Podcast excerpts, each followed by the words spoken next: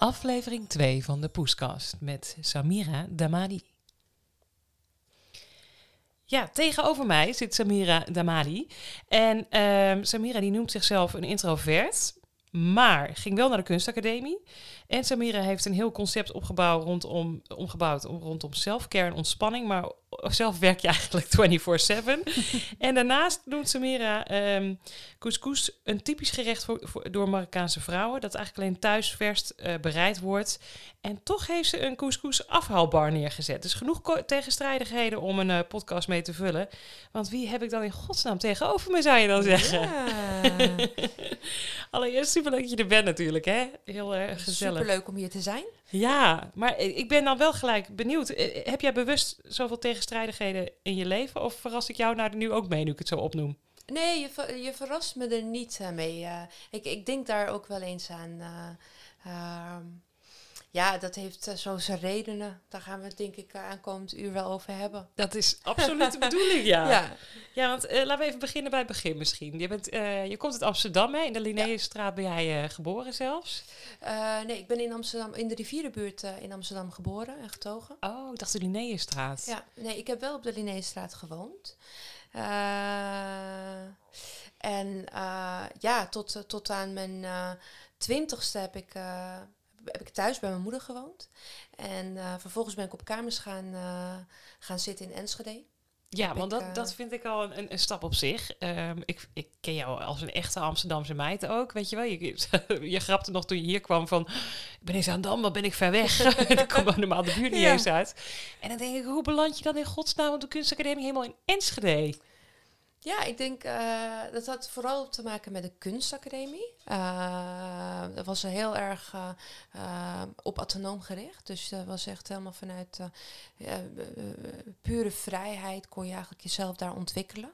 En het was minder conceptueel dan andere kunstacademies die ik had gezien. En, uh, en ze hadden een, een, een opleiding architectonisch vormgeving. En dat is uh, 3D, 4D. Um, en dat, dat sprak mij toen heel erg aan. Ja, grappig. Want het, het is ook weer niet, niet logisch als ik weet wat je nu allemaal doet. Uh, hoezo sprak jou dat aan? Ik, het is überhaupt een richting waarvan ik niet eens het bestaan wist, totdat je nu het uitlegt. Dus dat, um, hoe kom je daarbij? Um, het, het, begon eigenlijk al wel vrij. Ik ben eigenlijk als klein meisje was ik echt een, uh, een dromer. Ben ik nog steeds. Ik zit heel erg in een uh, fantasiewereld. Die ik ook eigenlijk veel ook voor mezelf hou. Dus ik ben helemaal altijd van. Ik visualiseer, maar ik, naast het visualiseren ervaar ik eigenlijk ook dat wat ik visualiseer echt intern. En uh, ja, na, na de MAVO ben ik, uh, ben ik uh, interieurstyling gaan doen. En ik heb altijd iets gehad met het inrichten van woningen of uh, uh, in ieder geval creatief bezig zijn. Um, en dus was het een, een, een, logisch vervolg toen ik mijn uh, nou, een bachelordiploma wilde halen. ja, was het, was het niet zo gek om, om voor de kunstacademie te kiezen. Ja. Ah, maar ik begin nu ook een beetje een verband te zien, denk ik, met, met jouw bedrijven opzetten en je opleiding. Want als, hoe je het nu uitlegt, voelt het een beetje alsof jij die droomwereld in je hoofd um, praktisch gewoon concreet wilde maken door het um, in te richten of uit te beelden. Ja. Dus, ja. En dat doe je met een bedrijf natuurlijk ook. Je hebt een concept of iets in je hoofd, een ja. gedachte of misschien een, een ideaal. En, uh, en daar bouw je iets omheen en dat zet je letterlijk neer. Ja, dat klopt. Ja. Leuk. En um, ja, je zei het net al eventjes. Uh, jij bent met je moeder opgegroeid, hè? Alleen jij en je moeder thuis? Nee, uh, ik uh, kom uit een gezin van zes kinderen. Oh, wauw. Ik ben de oudste. met drie, drie meiden en drie jongens. mijn ouders zijn toen ik een jaar of twaalf was gescheiden. Uh, alle zes hebben wel dezelfde vader. Dus we zijn wel. Uh, uh, ja, daarna is mijn moeder nooit hertrouwd geweest. Dus heel erg. ja, ik heb gewoon een hele sterke voorbeeld gehad. een hele sterke vrouw die mij heeft opgevoed. Ja, dat hoorde ik ook veel terug. Ik was natuurlijk een beetje uh, over jou gaan inlezen en uh, interviews kijken die je hebt gegeven. En dat kwam elke keer weer terug. En het zit natuurlijk ook een beetje in een van jouw ondernemingen, de Reload Club. is een, een women-only club. Ja. Um, waar je ook heel duidelijk aangeeft van ik wil dat vrouwen de, in hun kracht komen te staan. Um, iets wat je met je couscousbar eigenlijk ook doet. Hè? Want daar is een hele grote rol weggelegd voor de Marokkaanse mama's. Ja, dat klopt. Uh, op dit moment, uh, uh, sinds drie dagen geleden, hebben we onze eerste meneer aangenomen binnen oh. het team. Hoe vond je dat? Ehm, ja, ja, bijzonder, denk ik. Maar ook heel erg welkom. Uh, en en hij, hij is uh, uh, zacht. Hij, past binnen het de vrouwelijke team. Ik denk dat hij daar zich heel erg comfortabel en vrij in voelt. Ehm, dus daar heb ik heel veel vertrouwen in. Dat dat, dat, dat een mooie tegengewicht gaat bieden voor al die vrouwelijke energie. Ja, maar daar moet je natuurlijk ook rekening mee houden. Dat begrijp ik. Als je met een heleboel vrouwen werkt, dan kan je er niet in één keer een, eh, een, een enorme alfamail tussenin knallen waarschijnlijk. Ja, dat klopt, ja.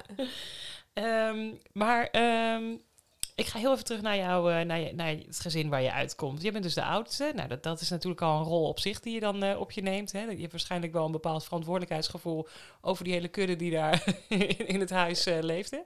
ja, ja. En, en, en daaromheen nog, nog veel meer verantwoordelijkheid gekend. als oudste is het niet alleen de zusjes en broertjes.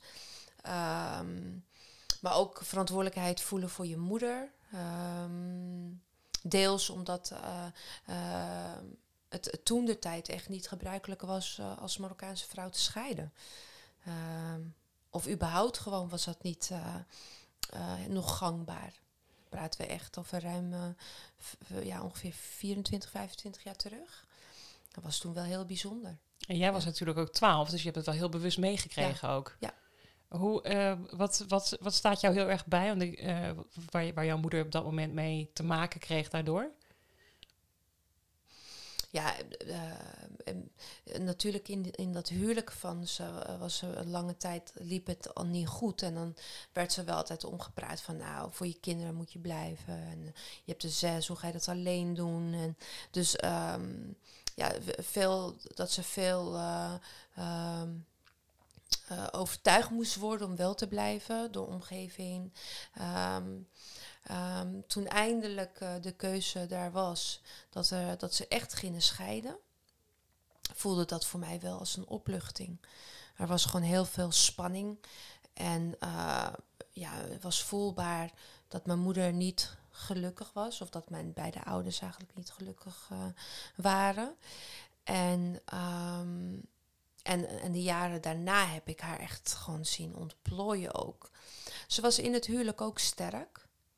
Uh, maar daarna is ze, uh, naast haar kracht, is ze ook uh, echt ontplooid. Of hoe kan je dat zeggen? Dat is een bloem, is ze open gegaan.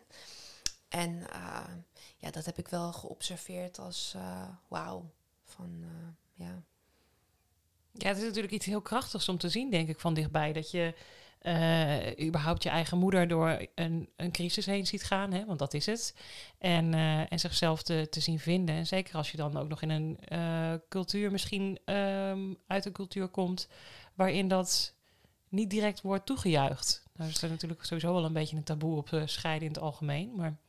Ja, het, toen het, nu is het echt in, in, in de Marokkaanse huishoudens of uh, cultuur heel erg gebruikelijk om, eh, om te scheiden. Maar toen de tijd was dat echt taboe. We kenden ook niemand die gescheiden was. Dus het was ook iets uh, totaal nieuws. um, ja, maar dat was wel zoveel beter voor, voor, de, voor de energie in huis. Um, ja, je zei, jij gaf aan ik, dat je ook een beetje de zorg voor je moeder op je nam. Hoe, in, hoe voelde je daar verantwoordelijk voor? waarin zag je af en toe van, hé, hier moet ik misschien voor haar er even zijn? Uh, taal, Nederlandse constructie. Um, uh, ja, er waren wel een aantal dingen die best wel heftig waren voor mij als ik achteraf nu daarover nadenk. dat deed ik gewoon. Dat was dan eh, normaal. Eh, maar als ik nu daaraan terugdenk, denk ik, wow. ehm, dat was wel voor mij het moment dat echt het kind zijn ook stopte. Kan, Maar- je, kan je iets opnoemen waar, waar je dat bij voelt? Ehm, ja, dus wat ik, waar ik nu tegenaan loop is dus die verantwoordelijkheidsgevoel die eh, eh, intern zo groot is. eh, die ik tot aan twee jaar geleden eh, enorm ook eh, emotioneel met me heb meegedragen. Dat ik dus eh, continu aanstond. Ehm, eh, dat ik het, eh, ja, dat alles wat ik eh, aan het doen was, eh, ik, was gewoon geen ruimte van falen. En dat, dat lijkt ik heel erg over te hebben genomen van mijn moeder ook. Hè. Misschien dat, eh, of niet misschien zeker, dat toen zij ging scheiden, had ze ook zoiets van, nou, ik moet even iedereen laten zien dat ik het wel kan. En dat ik, dat, hè, dat, dat heb ik heel erg met me, die, dat heb ik heel erg met me meegedragen. En ehm, ja. Eh, ja, en zo zijn er nog veel meer voorbeelden eh, die, waar ik eigenlijk eh, ja, best wel. eh, ehm, die mijn krachten zijn, maar ook mijn valkuilen tegelijkertijd. Hè? Want ze, ja, ze dienen mij, maar ze, ze, ze zijn ook wel heel erg dominant en soms eh, schadelijk. Ja, ik kan me best voorstellen als je ook aangeeft eh, dat er een soort gevoel is van ik mag niet falen hierin. En zeker eh, met een gezin met zes kinderen is natuurlijk e- een enorme verantwoordelijkheid. Maar dan ook nog eens al die dingen eromheen die je moet bewijzen. En voor jezelf ook. Ehm, dan kan me wel iets in eh, denken dat jij met je verschillende ondernemingen misschien ook zoiets hebt van ik moet door blijven gaan, want falen is geen optie hier. Ja, in, ehm, Heb jij het gevoel dat jij iets moet bewijzen met, jou, met jouw werk? Ja, op, op, dit, op dit moment niet, eh, niet meer zodanig. Ehm, maar dat komt, ik heb twee jaar geleden eh, een burn-out gehad. Ehm, waar ik al eigenlijk misschien jaren in al verkeerde. Maar toen was eh, ook. ehm, eh, eh, ik werd over, overgenomen. Want ik had gewoon al langer lichamelijke klachten. Ik sliep al niet zo goed. En ik was 24 uur aan en ik werkte echt 24-7 ook overal. En ik trok ook alles naar mij toe. En, maar op, toen echt de burn-out op zijn, eh, op zijn hoogst was, kwam er een gevoel bij mij. eh, Het nam mij over van: ik heb scheid aan alles. Kan me echt, dus opeens eh, van: ik was zo er doorheen dat ik, ik kon niet meer. Het was gewoon het. En, en, en, en toen ben ik ook gewoon echt. Ik heb alles even naast me gelegd. Heeft niet heel lang geduurd, denk ik. Want in 2018 heb jij die couscousbar eh, gestart, geloof ik, toch? Eh, ehm, 2017, de Couscousbar bestond toen een jaar. En we hadden ook nog een pop-up in Delft. Ik caterde op 21 HVA's en ehm, ik stond op één locatie met de HVA. En eh, wat nu de Reload Club was, was verdeeld in twee zaken: Skin Spa Store en Wellness 1926. En, ehm, en ik had eh, ja, dert- ruim 30 man personeel. En daar was ik dan bijna direct verantwoordelijk voor. Met een eh, op één managersfunctie na op de wellness. En dat, dat eh, was heel heftig. Ja. Ik was, ik had ik was zoveel aan het doen. Ja, Maar, eh, ik ga dan heel even een stapje terugnemen. Want een heleboel mensen weten natuurlijk niet hoe jij van een kunstacademie nou, nou hier terecht bent gekomen. Ja. Dat is natuurlijk ook weer iets dat je denkt, hè? Hoe is dat nou ontstaan? Ehm, maar ja, sowieso is die kunstacademie ook een best een, een eh, eh, misschien best wel een dappere keus. Want dat is een, een kunstacademie. Wordt altijd gezegd van ja, dat is niet direct het, de opleiding waarmee je werk gaat, gaat vinden automatisch. ja, En als je uit zo'n eh, gezin komt waarin jij ontzettend verantwoordelijkheidsgevoel hebt meegekregen, dan kan ik me voorstellen dat dit misschien best een spannende keuze was voor jou. ja. Ja, eh, niet, niet zodanig. Eh, Door, door mijn fantasie had ik het idee dat ik een hele grote interieurontwerper zou worden. die heel veel geld zou verdienen. Nee. Maar ik had wel. Dus ik was overtuigd van, van mijn, voor mijn liefde voor, voor, voor, de, voor het vak. Dus eh, ik was dus niet bezig met eh, ehm, dat ik dan niet zo makkelijk eh, aan het werk zou komen.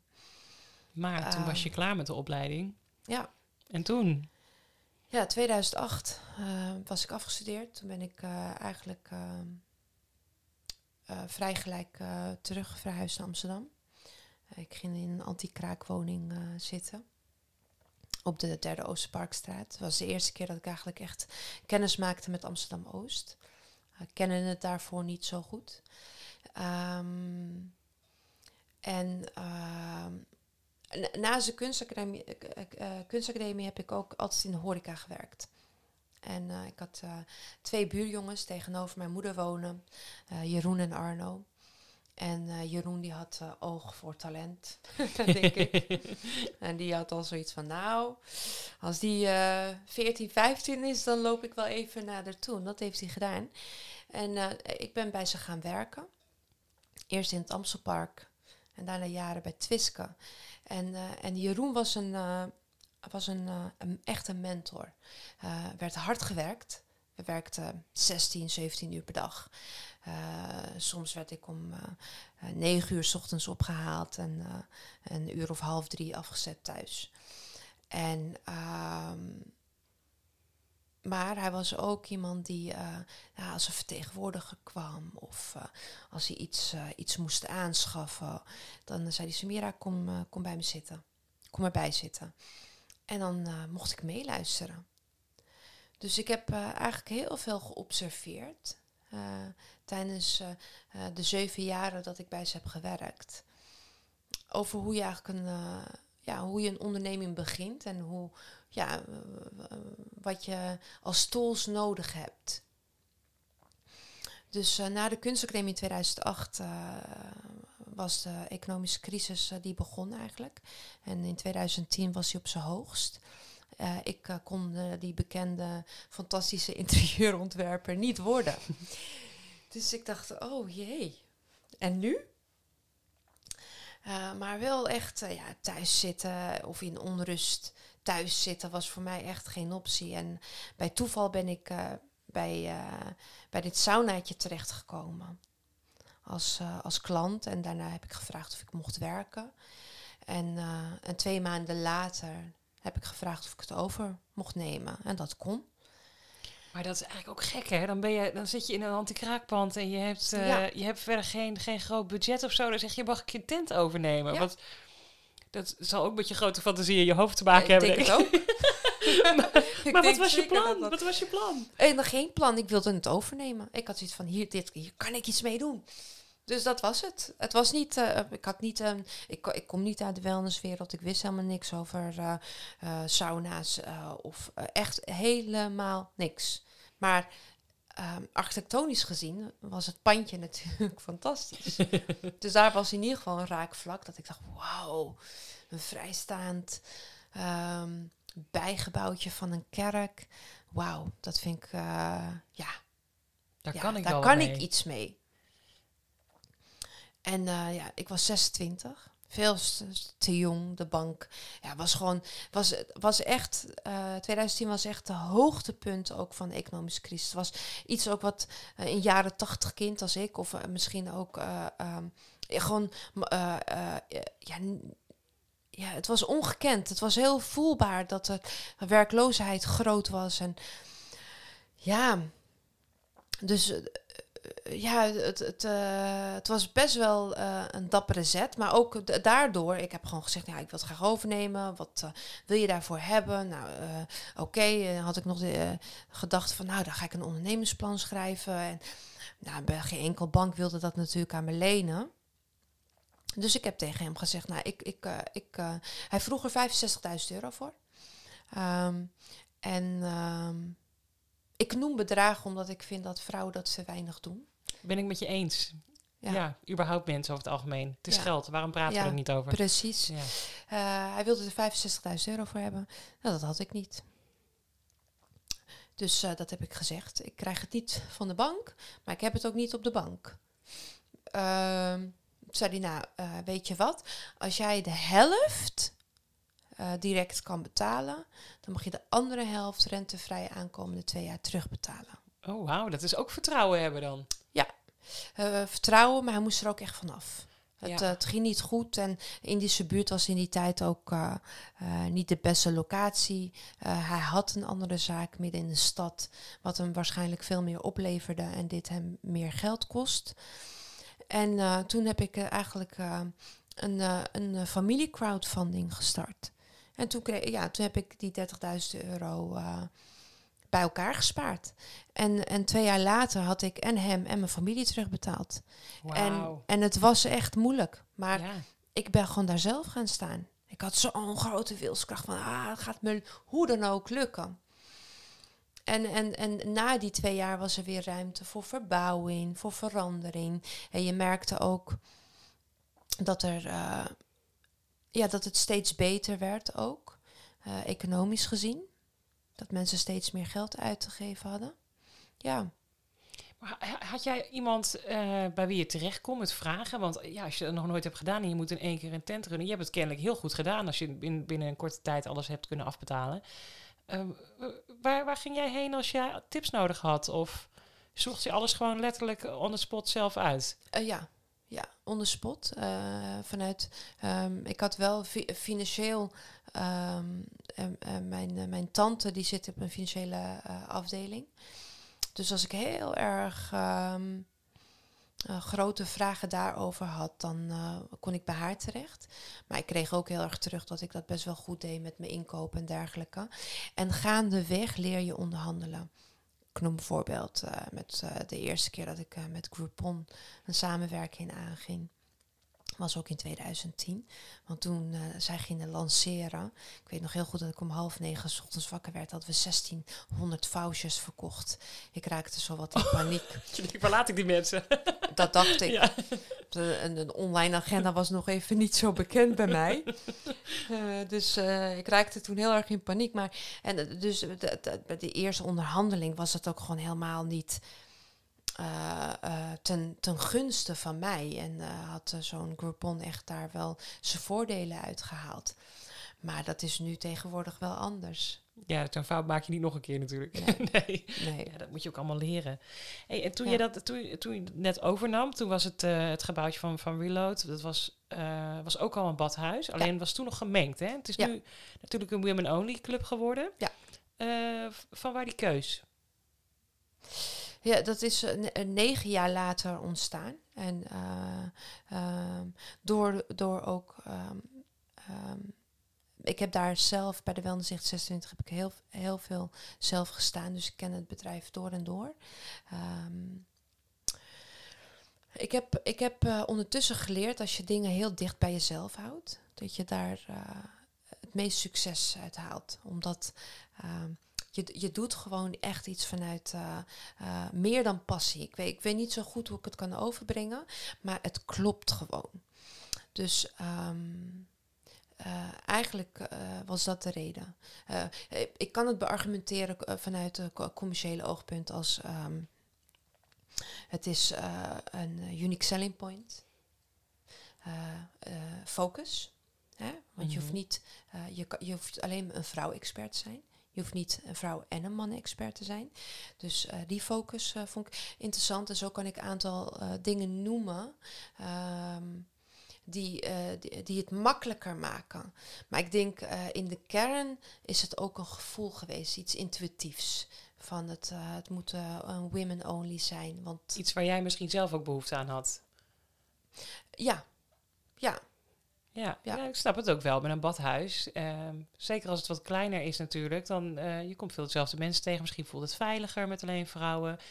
Ehm, uit verschillende culturen heb je natuurlijk ook dat eh, niet alle vrouwen het gemakkelijk vinden of überhaupt kunnen of willen om met eh, gemengd in een badhuis te gaan zitten.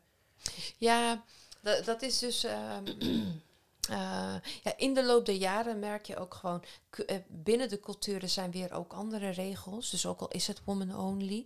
Dus het zijn heel veel verschillende dingen. En eh, ik moet wel eerlijk bekennen dat ik alle sauna's inloop.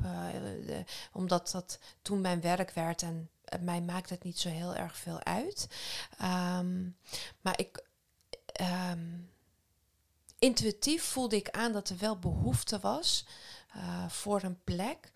Eh, alleen eh, dat heeft er niet voor gezorgd dat ik dat ging doen. Oké, dat was niet je drijfveer Dat is hierin. niet mijn... nee, ik, ik- het was iets eh, van... ehm, ja, dus van hoe, hoe, hoe kan ik eh, vrouw krachtig krijgen?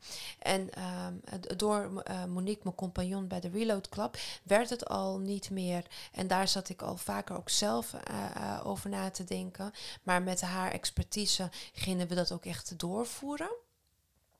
Is dat we niet meer alleen een badhuis wilden zijn. Eh, dat stukje eh, well-being ehm, vind, ik, eh, vind ik een, mooi, een mooie manier voor ontspannen. Maar dat, is, dat vind ik niet het meest interessante stukje binnen, binnen de bedrijfsvoering. Nee? Wat, Nee. wat is dat voor jou wel? Ja, dat is dus ho- hoe je mensen aan kan zetten om voor zichzelf te zorgen, zichzelf te, te laten gaan. Ehm, eh, eh, openheid te bieden voor vrouwen, eh, dus echt vertrouwen te hebben in, in een plek. Dus het, het, wat ik het nu het mooiste en het leukste aan de Reload Club is dat we een groep met experts om ons heen hebben verzameld die in, in staat zijn ehm, ja, die, die, die vrouwelijke energie te vergroten. En, en, en ik denk wel dat we er nog lang niet zijn. Ik denk dat we zoveel nog, nog te doen hebben daarin.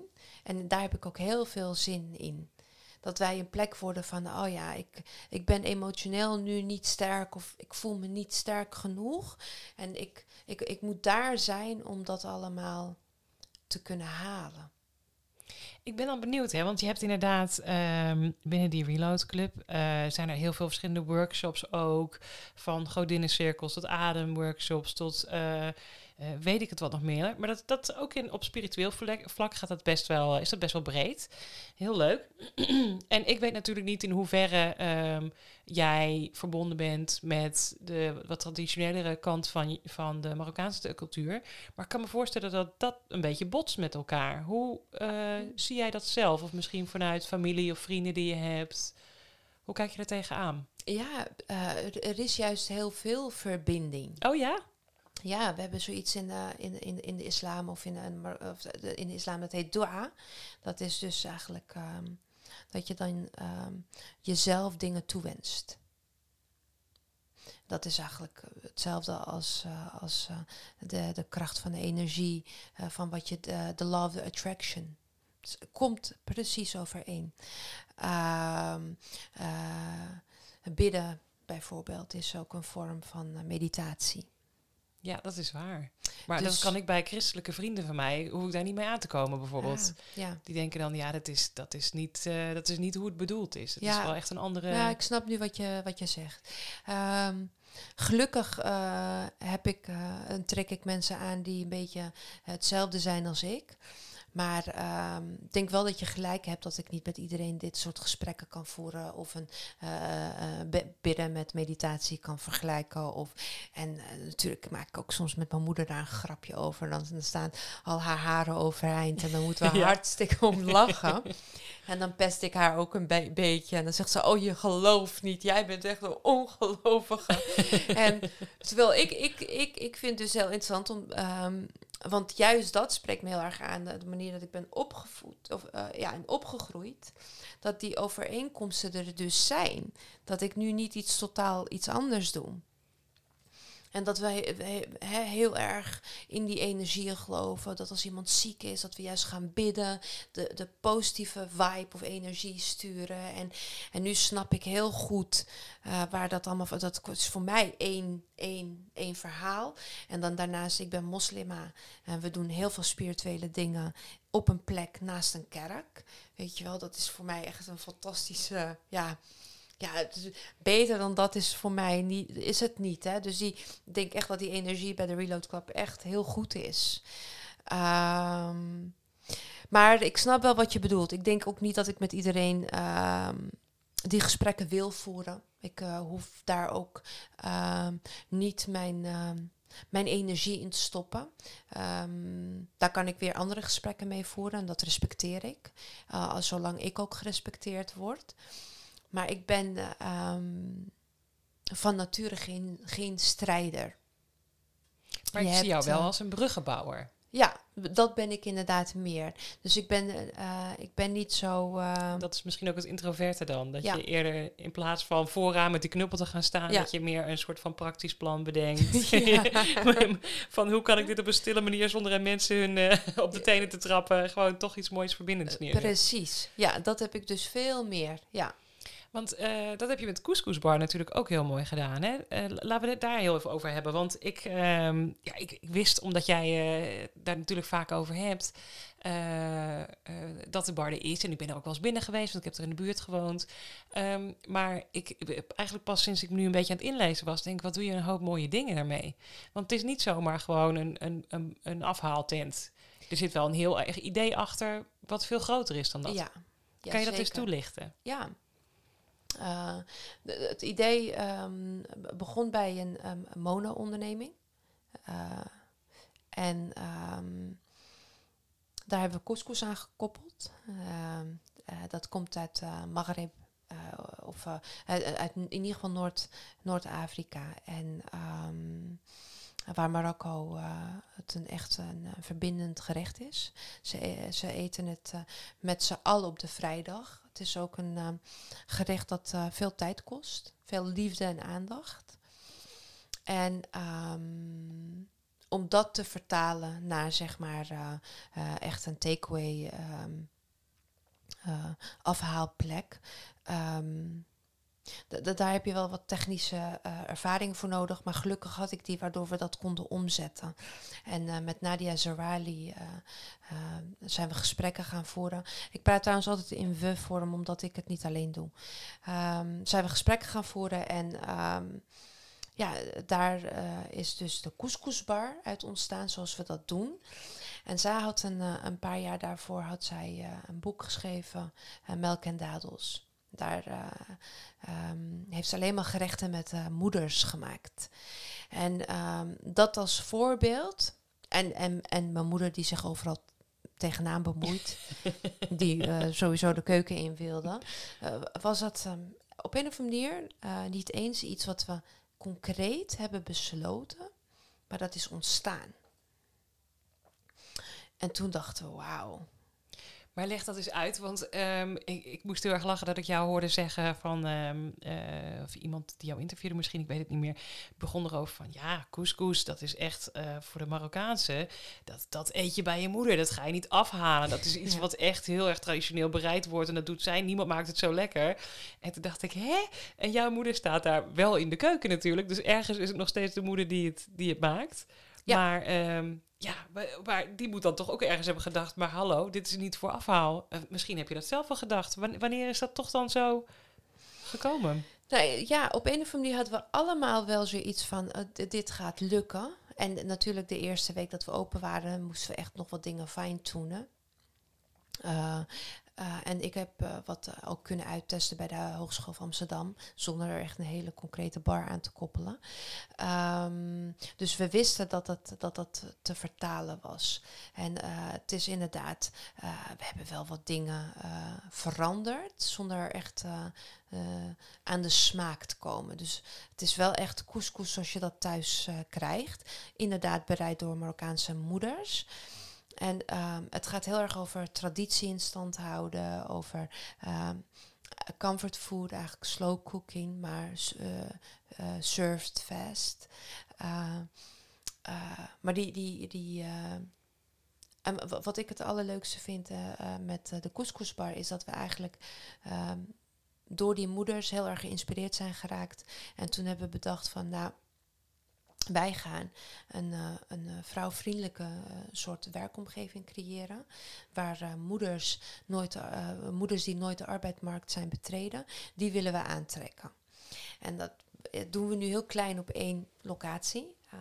We gaan. Komt gaan- tweede aan? ja, ja, ja, we gaan een tweede openen. Daar ik heel veel zin in. En ehm, ja, eh, waar dan weer nieuwe en andere moeders eh, zeg maar daar kunnen, kunnen eh, terecht kunnen. Ehm, daarnaast, naast dat, dat wij dat creëren, zien wij gewoon dat ze hebben zoveel plezier in hun werk. Ik heb op die afdeling het minst ziekmeldingen. Als de een op vakantie gaat, vangt de ander het op. Ehm, het is een totaal ander verhaal dan alle andere werknemers. zij zijn zo dedicated. En zij koken met liefde. Het is geen, het is geen werk voor hun. Dat proef je altijd terug in eten, hè? Ja. Hoe het bereid is. Ja. En, maar ik, ik hoorde ook heel grappig dat er, uh, want er zijn ook veel uh, moeders die dan de taal niet goed beheersen. Dat je letterlijk ook met gekleurstickers op producten Ja. te werk gaat, zodat ze het niet hoeven uitgeschreven te hebben. Ja. Hè? Ik vond dat zo leuk bedacht. Ja, als je onder, eh, onder een grote cateri- cateraar aan de slag gaat, uh, bij, de, bij de HVA. Ik ben gewoon echt wel ook, dat durf ik echt te zeggen, expert in, uh, in voedselveiligheid. Uh, daar werd zoveel gecontroleerd, daar werd zoveel verwacht. Um, dat, dat, ja, dat heb ik gewoon kunnen omzetten, zodat zij binnen die kaders hun werk goed kunnen verrichten. Ja, en, en ze zijn zo trots. Ja.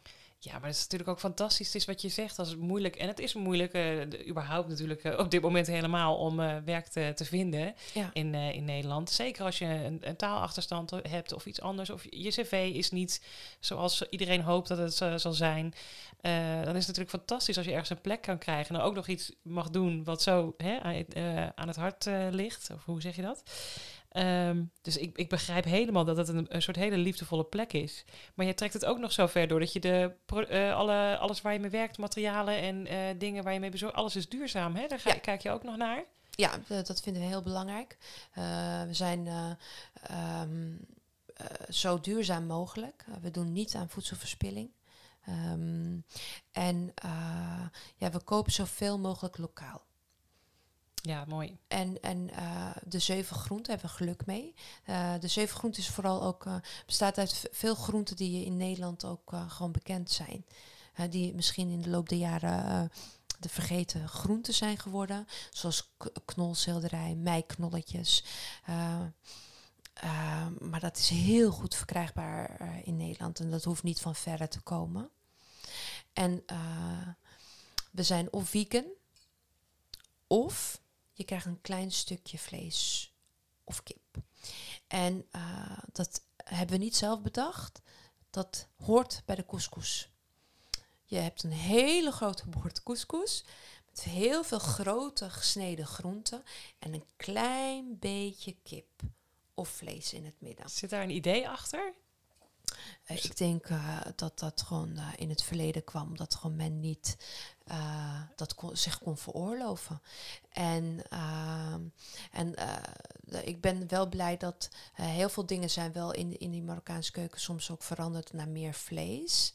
Maar ik ben blij dat couscous nog steeds overal met heel weinig vlees gegeten wordt.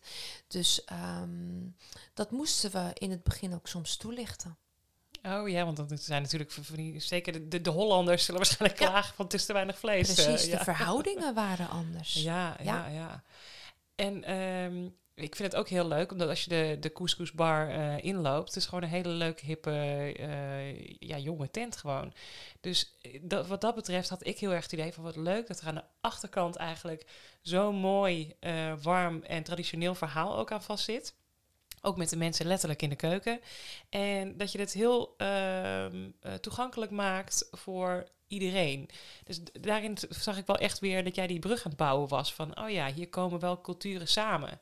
Ja. En dat, ja. uh, dat het, hè, want uh, laten we eerlijk zijn, er zijn nog steeds een heleboel mensen die uh, in Nederland, dat zien we aan de politieke partijen, zoiets hebben van alles wat niet Nederlands is, daar moet niks vanaf weten. Dus zodra daar ook maar iets over duidelijk is, dan kom ik er niet in de buurt of zo.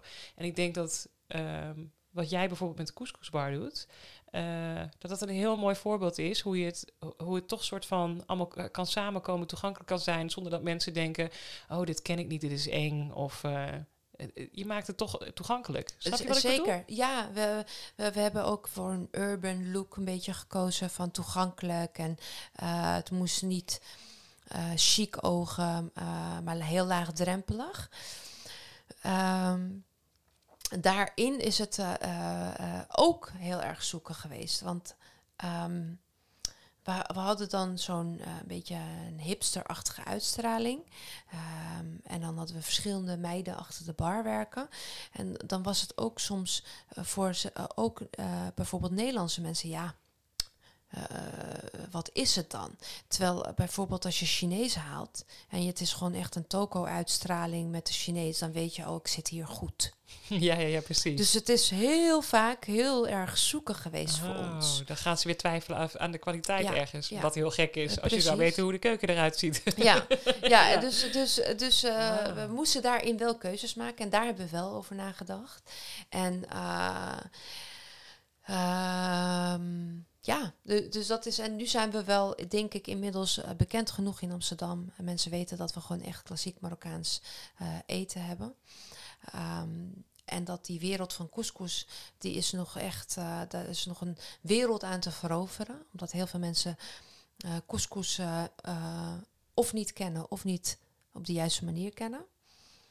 En, Ja, eh, want even een spoiler alert voor iedereen die aan het luisteren is. Mijn, eh, mijn, mijn hersenpan knalde uit elkaar toen ik hoorde dat je couscous moest stomen. Dat, dat- ik gooi altijd kokend water bij zo'n bakje. Dat is dus eh, dat is geweldsplegen, zei Ja. jij, hè? Ja, hij is echt geweld plegen inderdaad. Wellen doen we niet. Ehm, ja, en iedereen die, die, die dat eh, een, een keer gest- gestoomd proeft, die, die snapt dan ook gelijk van, oh, weet je wat ik nou afvraag? Be- ben jij ergens in je hart... ehm, iedereen heeft een bepaalde leeftijd hè, waar, je, waar je soms een beetje op in je, in je gevoelsbeleving een beetje, een beetje blijft hangen. Ben je ergens in je hart een beetje dat meisje van 12 gebleven? Want als ik jou zo hoor in wat je allemaal doet, dan voel ik nog steeds een beetje wat je net in het begin vertelde. Dat, eh, dat je dingen wil oplossen, wil eh, dragen, dat je mogelijkheden wil bieden, dat je mensen wil helpen. Kon je letterlijk nu je eigen moeder en andere moeders helpen om eh, die zelfstandigheid te vinden, om de kracht te vinden. Je bent van alles aan het, eigenlijk nog steeds aan het, aan het doen, bijna een beetje vanuit diezelfde rol lijkt het als ik zo naar je luister. Hoe Ja, maar- voelt dat ja. voor jou? Ja, misschien heb je, misschien klopt dat. Eh, niet dat je me ermee overvalt, maar dan zou ik dan eh, wel echt intern dat moeten gaan ervaren. Van, eh, is dat zo? Ehm, maar door die burn-out ben ik wel heel erg van alles gaan doen. En waar moet ik dan aan denken? Ja, van craniosacraal tot regressietherapie, tot cognitieve gedragstherapie, tot aan allerlei massages. eh, van ayahuasca tot aan, ehm, ja, eh, wat nog meer.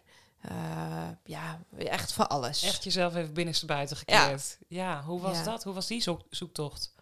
Eh, nodig. En, ehm, en nu, nu realiseer ik me, eh, als je eenmaal wakker wordt, eh, hè, hoe ze dat zo noemen, dan, dan kan je eigenlijk ook niet meer, je kan niet meer terug. Dus ik leer nu veel beter begrenzen, meer tijd voor mezelf te nemen. Ik zie ook wat veel beter wat me energie geeft en wat me energie kost. Daarmee zeg ik niet dat het me altijd lukt om dat allemaal in, in de juiste eh, banen te, te, te leiden. Soms ehm, word ik nog wel door oude patronen, gedachten of emoties beladen. Dus het is, ehm, het is, een, het is wel een, het is er nog even voor mij echt ook een zoektocht Tuurlijk. naar. eh, Ik denk dat we ook altijd blijven zoeken. Ja. Want als je het eenmaal allemaal weet, wat doen we hier dan nog, toch? ja, Dus precies. Ja. Is, ehm, nu ik dit zo zeg, is de couscousbar eigenlijk de plek die je eh, altijd voor je moeder had gehoopt? En eh Reload Club misschien de plek geworden waar jij behoefte aan had? Ja, de, eh, ja, de Reload Club is zeker een plek ge- geworden waar ik behoefte aan heb. Want daar zie ik die zoektocht natuurlijk ook in Ja. terug. Hè? Mensen Ja. kunnen echt daar zichzelf helemaal Op verschillende en- manieren, ja. En op verschillende manieren kunnen ze zichzelf daar laten. eh, eh, oh, of ehm, jezelf leren kennen is ook gewoon al een, echt een onderzoek aan zich.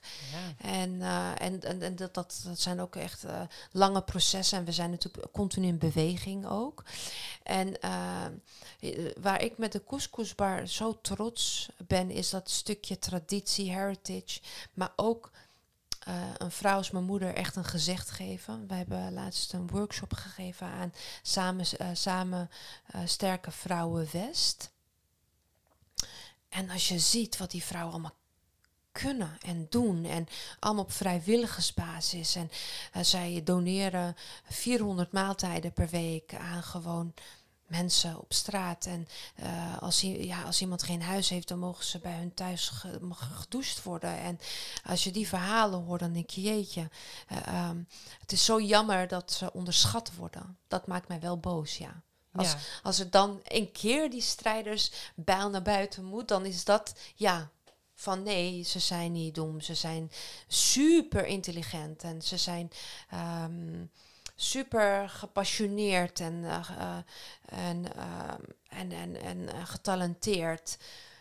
En ja, daar wil ik wel een gezicht aan geven. Ja, ja ik zie, ik zie het ook in je ogen wakker worden. Ja, ja ik zou, zij, zij hebben nog, zij verdien, ik zou ze nog, nog eerder naar voren schrijven dan mezelf. Omdat um, um, ik, ik word niet altijd onderschat. Soms wel, maar niet altijd. Maar zij worden zo, zo vaak onderschat. Of gebruikt eigenlijk soms ook. En ja, nee, dat, daar moet echt wel verandering in komen. Ja, ik zit ook echt, als ik nu zit te luisteren, sowieso naar het hele verhaal, denk ik, er is zo'n uh, bepaalde zorgzaamheid en uh, uh, verbindenis misschien ook ergens, hè, uh, die ik zo terughoorde. Denk van, nou, daar, daar dat, daar mogen Nederlanders nog heel wat van leren. Ik, ik zou nooit bij mijn familie uh, eh, 30.000 euro bij elkaar kunnen scharrelen, bijvoorbeeld, om maar iets te noemen. Uh, mijn moeder kan ook niet koken trouwens, dus dat is ook nog wel een ding. ja.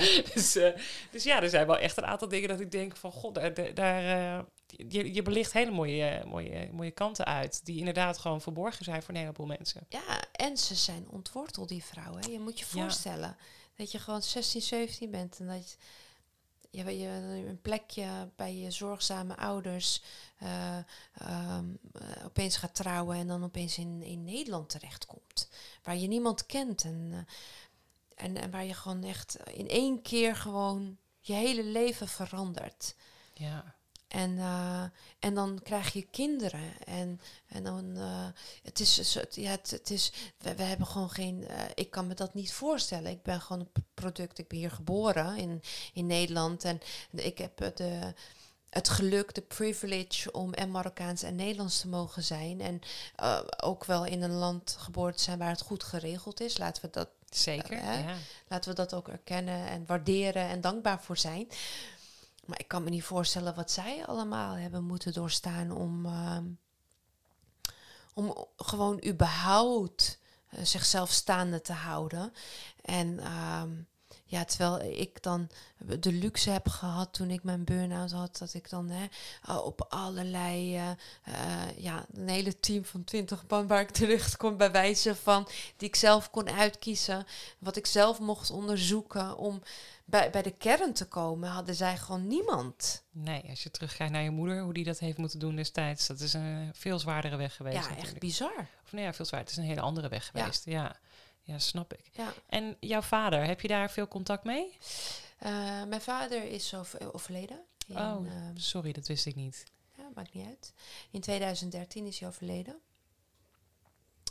Uh, mijn vader heeft wel uh, uh, nou, mijn ouders die, die gingen scheiden en mijn, mijn band, vooral ik als oudste, was, uh, had best wel een stroeve relatie met mijn vader. Tot aan, uh, denk mijn twintigste, was, liep dat niet lekker. En na mijn twintigste, ehm, ja, ik denk dat ook door de opvoeding, maar ook uit een soort van begrip of zo, uh, intern begrip bij mezelf. Ik zoiets van, het is mijn vader en ik hou van hem, dus ik wil wel contact met hem hebben. En ik wil hem wel, ja, ik wil hem wel beter leren kennen ook. En uh, onbewust is dat, uh, is dat proces gegaan. En ik zag hem niet vaak. Ik zag hem drie, vier keer per jaar. En uh, de, de, laatste jaar dat hij, uh, dat, dat, vo voordat hij kwam te overlijden, voelde ik wel aan van dit gaat niet meer goed. Hij um, krijgt COPD, um, overgewicht, um, depressief. hij was ook alleen. En, eh, maar als jong meisje heb ik een, een, een, een hele stoere vader gekend. Heel knap, eh, snel. Altijd sexy Mercedes-auto's. Eh, sprak veel talen, heel charmant. Ehm, reisde veel. Viel erg in smaak bij iedereen. En, en, en dus in, in zijn laatste jaar voordat hij doodging, was hij echt eh, een schim van zichzelf, van wat, hij, eh, van wat hij was. Maar ik voelde ook aan van wow, dit gaat niet de goede kant op. Heb jij toen eh, ook een andere kant van hem leren kennen in, dat, in die laatste periode? eh, ja, hij bleef wel eigenwijs. En eh, ja, er zaten wel wat. eh, wat eh, eh, zijn, eh, zijn negatieve kant werd wel vergroot. Oh. Ehm, ja, hij had het gewoon moeilijk. Mhm. Maar ik, ik kon wel vertellen dat als, als een van zijn kinderen hem opzochten, dat hij wel blij was. Dat hij wel, ja, Dus je, ja, dat is wel fijn. Je voelde wel dat die Voelde liefde er wel, was. ja. ja. En eh, nou, eh, het, het was ook heel bizar. Ehm, mijn tante belde mij altijd als mijn, als mijn vader weer op de intensive care was. Altijd eh, met, een, met een bonk in mijn, eh, met een knoop in mijn maag moest ik dan die telefoontjes opnemen. En die ochtend belde ze en dacht ik, oh, mijn tante belt. Ik had die bonk niet. En toen eh, vertelde ze, ja, je vader is overleden. Dus ik, eigenlijk op dat moment had ik al daarvan, het is goed zo. Het is, het Ja. is en ik, ik, ik woonde eigenlijk niet zo ver van hem vandaan, dus ik, ik, ik kon zo bij hem terecht. En hij zag er ook heel erg ehm peaceful uit. En, eh, en toen zijn we hem gaan begraven in Marokko. Eh, op een plek waar hij vandaan komt. Op een Bijzonder. berg in Shabi. Hij heeft ons nooit levend meegenomen. Echt? Ja, Oh, wat bijzonder dat je daar dan op zo'n moment eigenlijk pas komt. ja, ja. Hoe was dat? Nou, eh, dat is, eh, in, in, er is, er is in Marokko een gezegde, je, je verkoopt nooit het land van je vader. Dus eh, dat blijft altijd, ehm, eh, we wisten niet wat we zagen. Het was de mooiste berg op de wereld, met de mooiste strand. Hij kijkt uit op de, op, op hij, hij is, hij is begraven op een berg en hij kijkt uit op een strand. Wauw. met daar beneden een bron. Ehm, met een, eh, een kamer die mijn eh, oma zelf heeft gebouwd. eh, van steen. Mhm. Want er was totale armoede daar. En het water is alsof je in Thailand bent. Wij hadden echt, we wisten niet waar we terecht kwamen. Maar dacht je ook niet, waarom, waarom zijn we hier nooit heen gegaan? Waarom, Ja. waarom heeft hij dit achtergehouden? Ja, daar zit veel pijn. Armoede. Dus daar het was uit mee- trots misschien dat hij dat Ja. niet... eh, Ja, ik weet wel dat ze er wel eens over hadden. Maar we gingen altijd naar Ves. Want daar, was gewoon, daar hadden ze een, een, een mooi huis. Maar het was zo bijzonder om op die plek te zijn. ja. Ja, dat zijn dat is letterlijk je wortels zitten daar. Ja, Ja, voelde dat ook als een soort thuiskomen toen je Ja. daar kwam? Ja. Wat mooi. ja, Is dit de plek, want je hebt ooit een keertje in een gesprek laten vallen dat jij op een berg ergens in Marokko een soort resort het liefste zou willen neerzetten. Is dat die berg? Ehm, dat zou ik heel leuk vinden. Het is wel middle of nowhere. Eh, Voor retreat is perfect. Maar eh, ja, voor het red is perfect. Ja, zou zomaar eh, die plek Mm. kunnen zijn. Wie weet. Spannend. Ja. Wat, wat, zijn, wat zijn sowieso, wat, wat heb jij nog voor dromen? Want jij, jij waarschijnlijk een heleboel als ik zo hoor jouw hoofd werkt. Maar- ja, maar ik heb ook geleerd dat eh, dus eh, focus. Mhm. Eh, alles wat, wat, we, wat we qua werk nu op tafel hebben liggen, daar gewoon be- nog beter in worden. Dus ik wil niet per se nieuwe ehm, projecten doen. Dus ik ben heel erg dankbaar en tevreden met de Reload Club en met de Couscousbar. En ehm, ik zie meerdere couscousbars in de vorm van een franchise. Dus ik hoef niet per se zelf, of Nadia hoeft niet per se zelf eh, al die couscousbars te hebben. Waar we die het liefst eh, eh, onze ideale schets van de vrouw die die franchise-formule willen. Dat zijn gewoon Marokkaanse vrouwen rond de 45 ongeveer. Dat is wel echt een, het zou een droom zijn. Eh, de Reload Club eh, beter uit, eh, uitwerken, nog meer experts. Eh, naar ons toe trekken. Die, ehm, ja, die die vrouwen meer in hun kracht ja, halen. Ja, dat eigenlijk. Ik wil dus vooral daar een, een focus op leggen. Ehm, En wat wil jij voor jezelf? ja, ja dat, die- ik wil het moederschap heel graag ervaren. Ben nu 36. Ehm, dat is een hele grote wens op dit moment. Het is ook een, eh, iets wat ik eh, nu ehm, eh, uitspreek, visualiseer.